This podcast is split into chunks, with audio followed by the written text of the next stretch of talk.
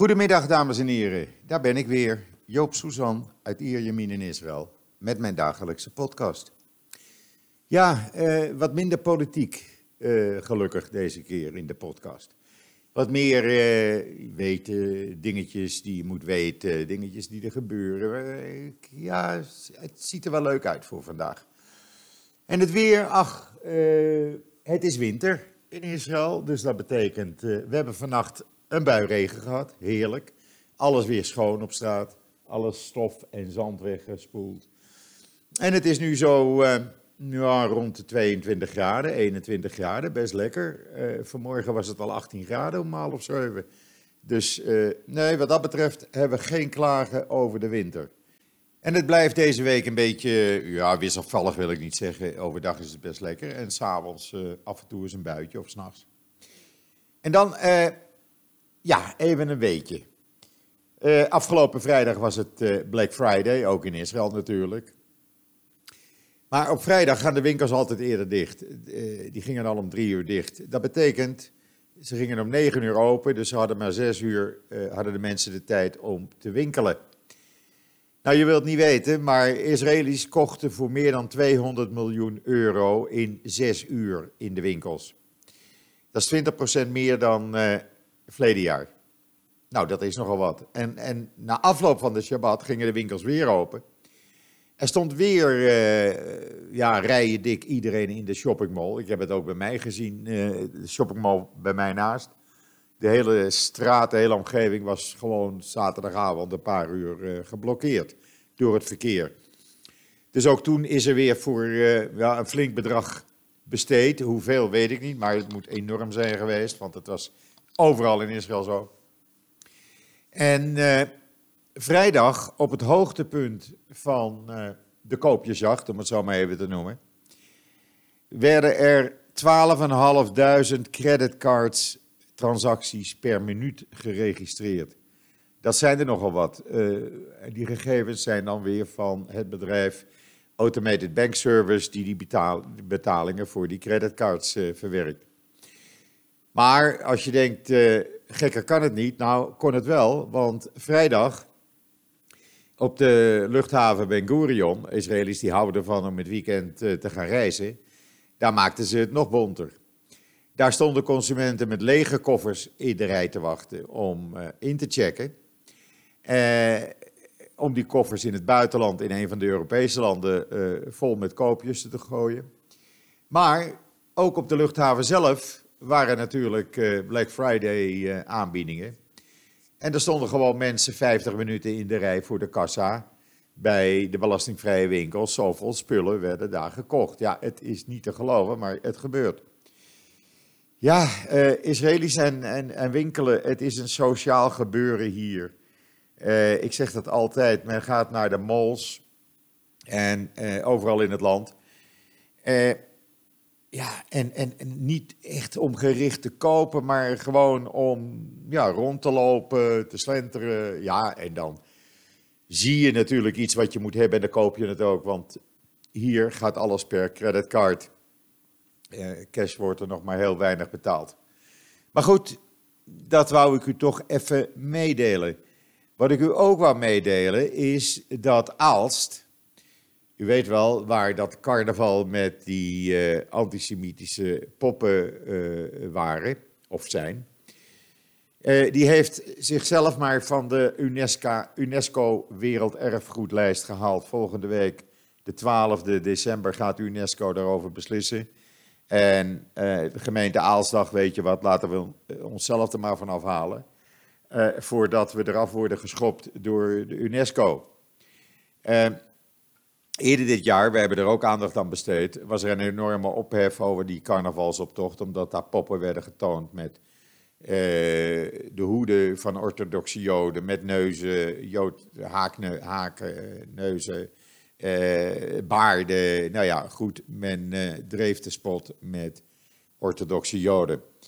En ook werden er ratten en geldzakken meegetoond. Ja, dat heeft allemaal niets met antisemitisme te maken hoor, volgens de burgemeester. Maar eh, we zijn er trots op en het is gevoel voor humor. Nou, ik vind, eh, ik ben daar helemaal niet trots op. En zo'n burgemeester hoort daar ook niet trots op te zijn. Eh, dat daar tienduizenden mensen op afkomen, prima. Maar toon dan geen antisemitische of racistische afbeeldingen. Want dan ben je dus echt fout bezig. In ieder geval, ze staan niet meer op die werelderfgoedlijst. Uh, ja, de Joodse organisaties in België en in Europa eigenlijk, die zijn nog steeds uh, pissed off, om het zo maar eens te noemen, op deze burgemeester en die carnavalsorganisatie. Omdat ze het, het volgende carnaval weer gaan doen, hebben ze al aangekondigd. Ze gaan weer antisemitische stereotypen uh, naar voren brengen. Nou, ja, het schijnt tegenwoordig allemaal te mogen. Ik weet het niet, maar uh, ik vind dit niet normaal. En dan uh. Hij heeft gisteravond, u kunt het op joods.nl ook zien en lezen, een video naar buiten gebracht. en ik geef hem daar helemaal gelijk in. Hij heeft zich uitgesproken tegen de Europese landen, waaronder Nederland, die in dat Instex-systeem zijn gegaan. Dat is opgericht door uh, uh, Frankrijk en Duitsland en Engeland. Om op die manier de Amerikaanse sancties tegen Iran te kunnen omzeilen. En dat is een soort ruilmechanisme. Dat betekent dat Iran gewoon olie bijvoorbeeld aan Nederland kan leveren. En daarvoor in de plaats, bij wijze van spreken, tomaten krijgt. En dan, uh, ja, dan omzeil je de sancties en dan uh, geef je meneer Trump het nakijken. En Nederland heeft zich nu ook daarbij aangesloten. Net zoals België, Denemarken, Finland, Noorwegen en Zweden. En gaan dus, um, trekken dus met z'n allen een lange neus naar president Trump en zijn sancties op Iran. Nou, dat moeten ze maar goed doen, vind ik dan. Want, zegt Netanyahu, terwijl uh, in Teheran, in Bagdad, in Beirut de mensen de straat op gaan, demonstreren tegen de Ayatollahs, daar worden ze met honderden tegelijk afgeslacht. Maar ze blijven doorgaan met demonstreren. De tirannen van Teheran, zegt Netanyahu, schieten op hen, maar tevergeefs. Ze knoeien met het internet, ze stoppen het internet. Tevergeefs, zegt Netanyahu. De onverschrokken en gefrustreerde mensen van Iran weigeren eenvoudig zich het zwijgen op te laten leggen. In Bagdad, zegt Netanyahu, hebben de trawanten van Iran honderden Irakezen gedood. Maar ook hier weigeren de mensen in Irak uh, zich uh, niet het zwijgen op te leggen. Ze blijven doorgaan met protesten. In Beirut vallen de misdadigers van Hezbollah, zegt Netanyahu, de vreedzame demonstranten aan. Maar het Libanese volk blijft komen. Waar blijft wat drijft deze mensen om hun leven te riskeren en op te komen tegen hun onderdrukkers? Wel nu, zegt Netanyahu. Het antwoord is eenvoudig. Ze zijn het zat, ze zijn de corruptiebeu. Ze hebben genoeg van vallende economieën. Ze worden versterkt in hun streven door de agressieoorlogen van Iran in de regio. En, zegt Netanyahu, terwijl de mensen in het Midden-Oosten moedig zijn en opkomen tegen het regime eh, van de Ayatollahs en hun handlangers, is hier het absurde aan de gang. Terwijl dit allemaal, uh, allemaal geprobeerd, proberen landen in Europa, dus daaronder ook Nederland nu, de Amerikaanse sancties tegen Iran te omzeilen. Terwijl het Iraanse regime letterlijk zijn eigen bevolking vermoordt, haasten Europese landen zich om dat zeer moorddadige regime te steunen. Terwijl Iran de olieinstallaties van Saudi-Arabië bombardeert, terwijl Iran zich haast om uranium te verrijken voor kernwapens, haasten de Europese landen zich naar Iran voor meer economische samenwerkingen. Nou, Netanyahu heeft hier gewoon een punt. Hij heeft hier volkomen gelijk aan. Nog even afgezien dat hij het heeft over corruptie, maar goed, Allah, ik vergeef het hem. Uh, ik zou u uh, aanraden, kijk even naar die video. Hij is in het Engels. Uh, lees anders de letterlijke vertaling op JoodsNL. Dan weet u precies ja, waar de Nederlandse regering nu ook mee bezig is. Want als er dan later een, een gewelddadige reactie richting Europa komt van Teheran, moet men niet in Europa gaan zeggen van ja, maar. Nee, niet ja, maar. Die Ayatollahs daar, die moeten weg. En als Nederland door blijft gaan die Ayatollahs te steunen, ze hebben ook bijvoorbeeld een militaire attaché in, in uh, Teheran zitten in Nederland, ja, dan ben je dus gewoon hartstikke fout bezig. En dan gisteren dat El Al-toestel boven Londen. Als u uh, mijn Twitterlijn heeft gevolgd, heeft u het uh, kunnen lezen. Er was een El Al-toestel onderweg naar Amerika, hij was leeg. Want hij was verkocht aan een Duitse lietsmaatschappij, dus die hebben ook een vestiging in Amerika. En die vloog boven Londen en op dat moment weigerde de communicatie met de verkeersleiding. Men was bezig dat weer in, aan de praat te krijgen. Maar goed, uh, het lukte dus niet. Dus wat de luchtverkeersleiding? Die vroeg aan de Engelse luchtmacht: sturen jullie daar even vliegtuigen naartoe? Want dat toestel, LL-toestel, reageert niet. Zo gezegd, zo gedaan, zondagmorgen vroeg rond 4 uur. Maar ja, die, die straaljagers die moesten natuurlijk even hard vliegen, dus die gingen door de geluidsbarrière. Wat dus een supersonische boom veroorzaakte boven Londen. En iedereen, half Londen, zat rechtop in zijn bed van schrik. En ging bellen en ging uh, van alles en nog wat doen. Naar buiten rennen, want men dacht er is weer een aanslag. En de piloot zegt nu, ja, hij zegt, we waren bezig met die, uh, die communicatie te herstellen. Hij zegt, en ik kreeg zo een hartafval toen ik uit mijn raam keek links. En ik zag opeens een, vlieg, een straaljager dicht naast me vliegen. Hij zegt, ik denk, krijgen we nou? en hij zegt, ik zag ook de, de, de rook van de snelheid zag ik langskomen. Hij zegt, en ja, toen zijn we maar met onze landingslichten gaan flitsen om te laten weten dat we ze hadden gezien. En kort daarna werd het radiocontact hersteld. Maar ze bleven toch nog ongeveer vijf minuten bij het vliegtuig uh, vliegen. En uh, hij zei, ja, ik hoop dit toch niet nog een keer mee te maken. In ieder geval, lees maar even de tweets en kijk maar even naar de video op joods.nl.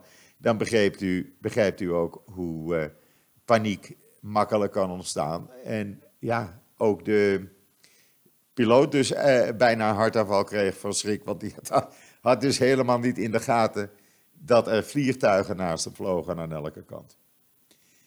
Goed, en dan, eh, ja, wat zullen we doen? Uh, nou, laten we eens eventjes uh, naar de obesitas gaan in Israël.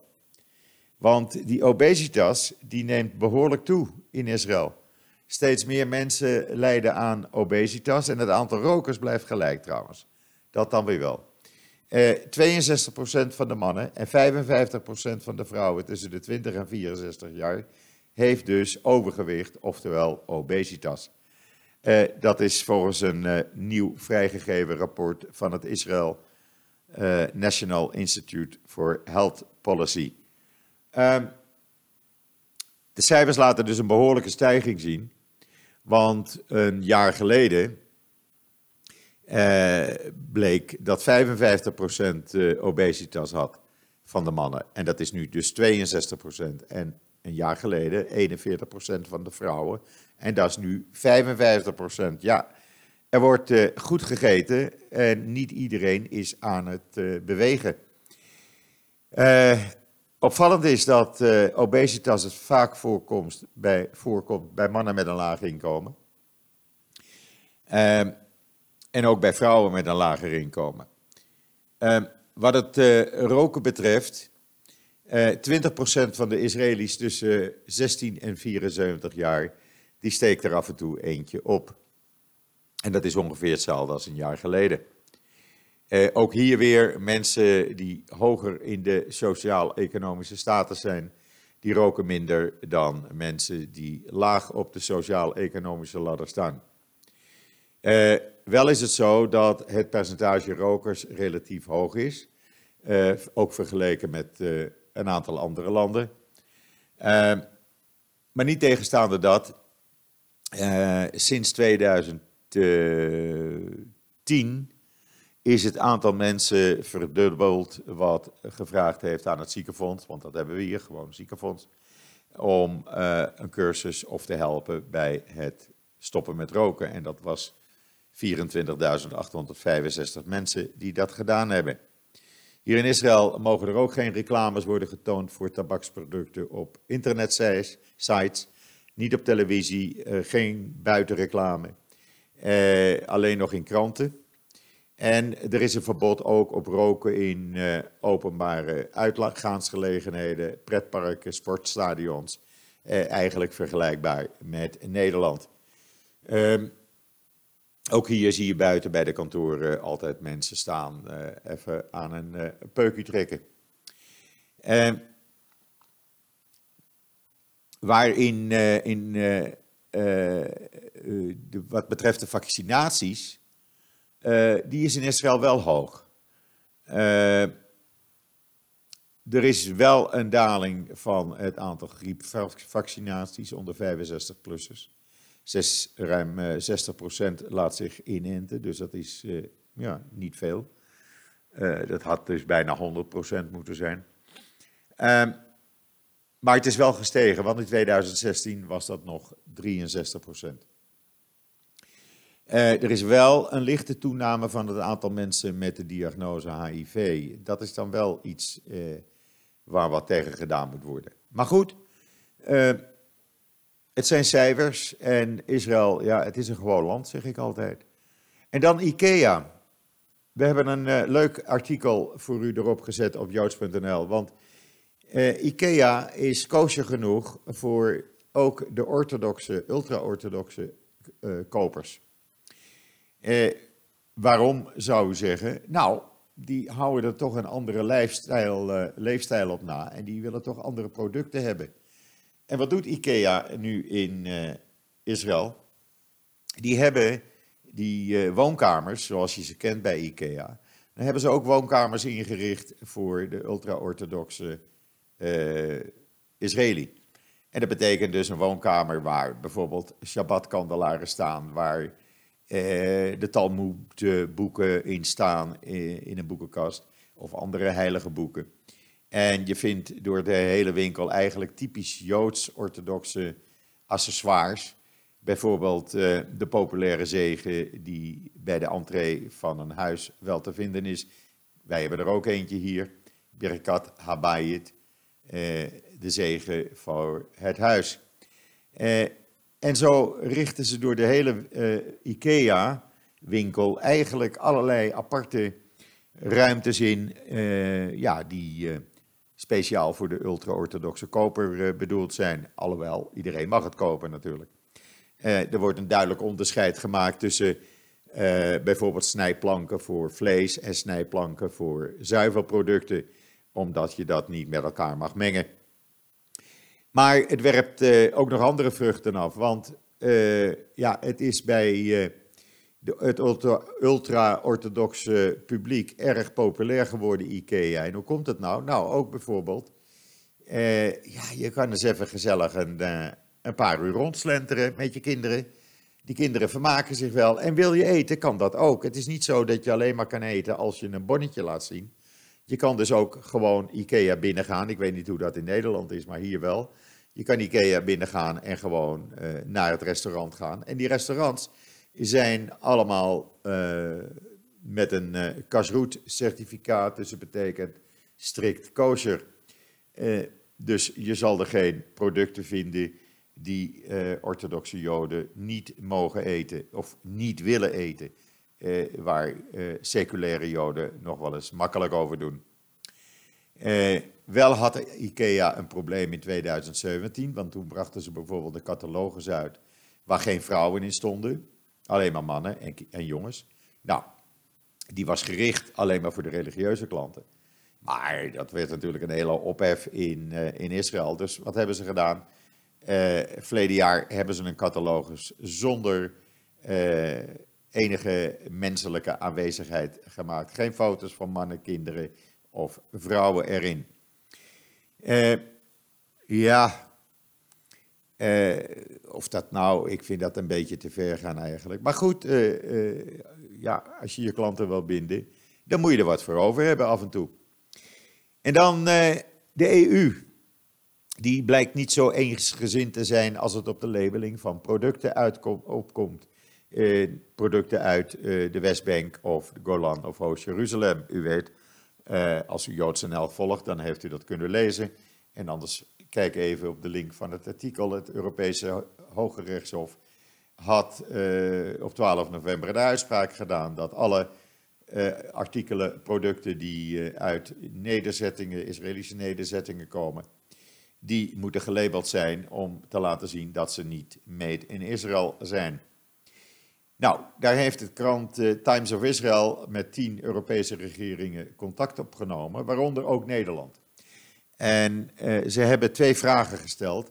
In hoeverre heeft uw land de etiketteringsplicht geïmplementeerd zoals vastgelegd in de uh, kennisgeving van de EU van 2015?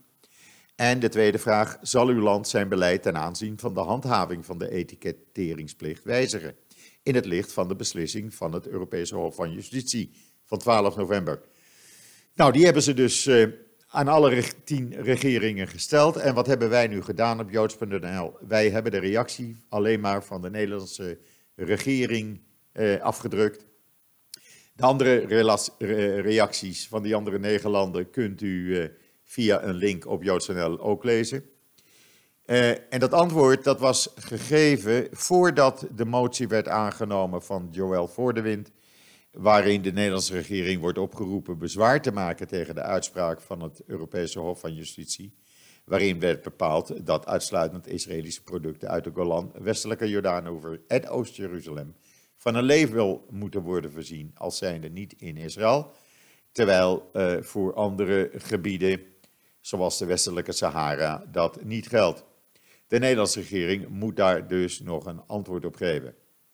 Maar het antwoord van de Nederlandse regering kunt u dus op uh, joods.nl lezen. Het is uh, ja, een niet-zeggend antwoord, vind ik. Ze proberen er een beetje omheen te dragen, ach, zoals we wel gewend zijn van de Nederlandse regering. Uh, en zij zeggen dan, ja, maar we moeten de bestaande EU-wetgeving naleven, die moet toegepast worden in het specifieke geval van gebieden die worden bezet door de staat Israël en de Israëlische nederzettingen.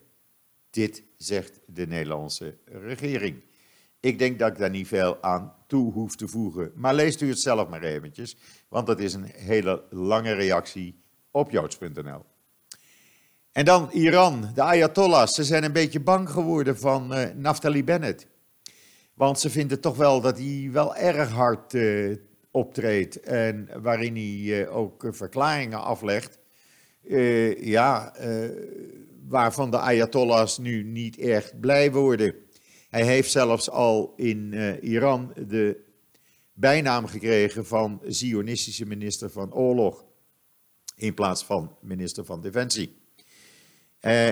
En ze zijn bang, de Ayatollahs, dat het Israëlische beleid nu veel harder wordt. En ja, dat ze daarmee te maken krijgen in uh, Syrië.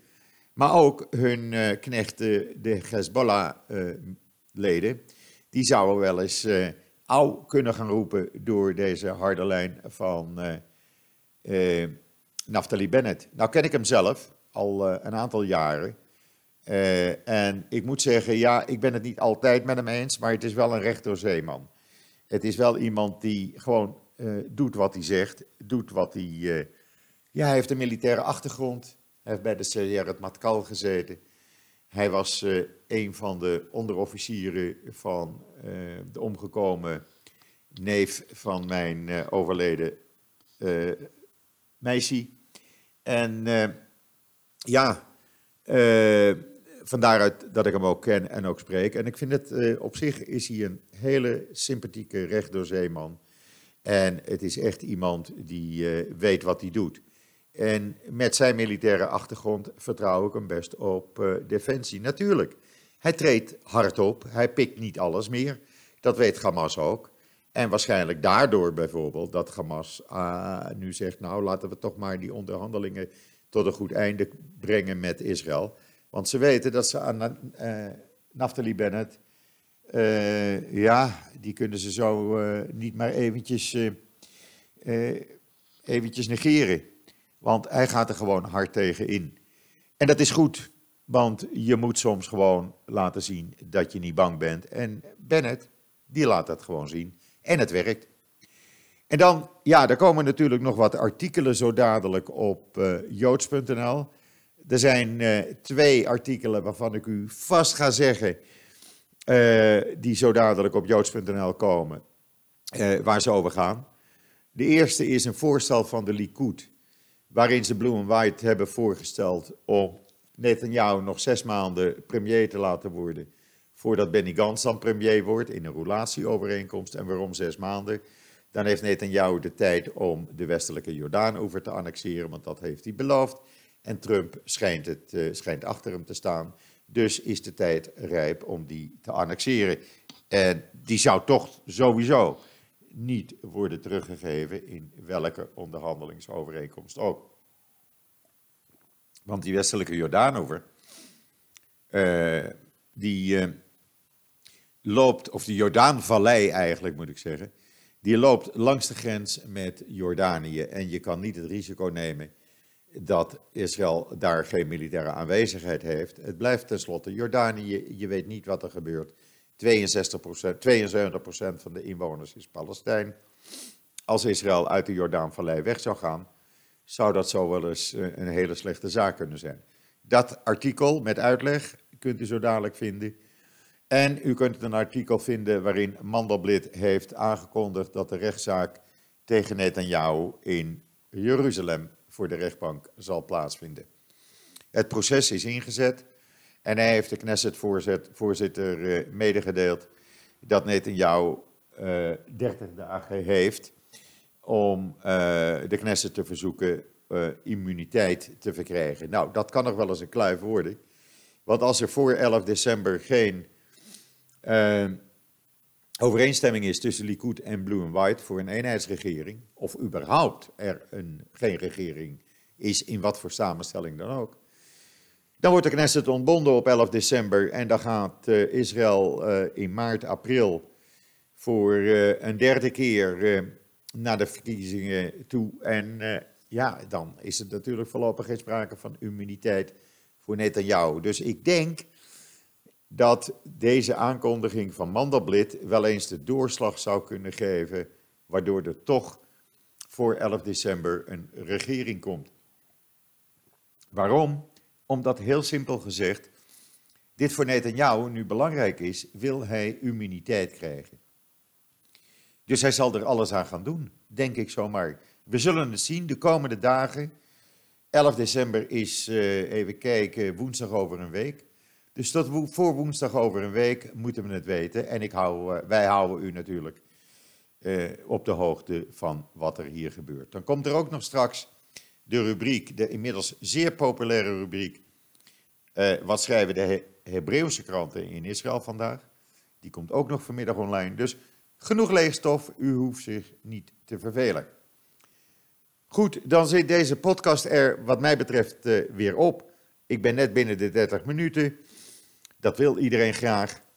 Nou, daar hou ik me aan. Klant is koning tenslotte. En uh, rest mij u nog een hele fijne voortzetting van deze maandag, de 2 december, toe te wensen. En wat mij betreft zeg ik zoals iedere dag, tot ziens, tot morgen.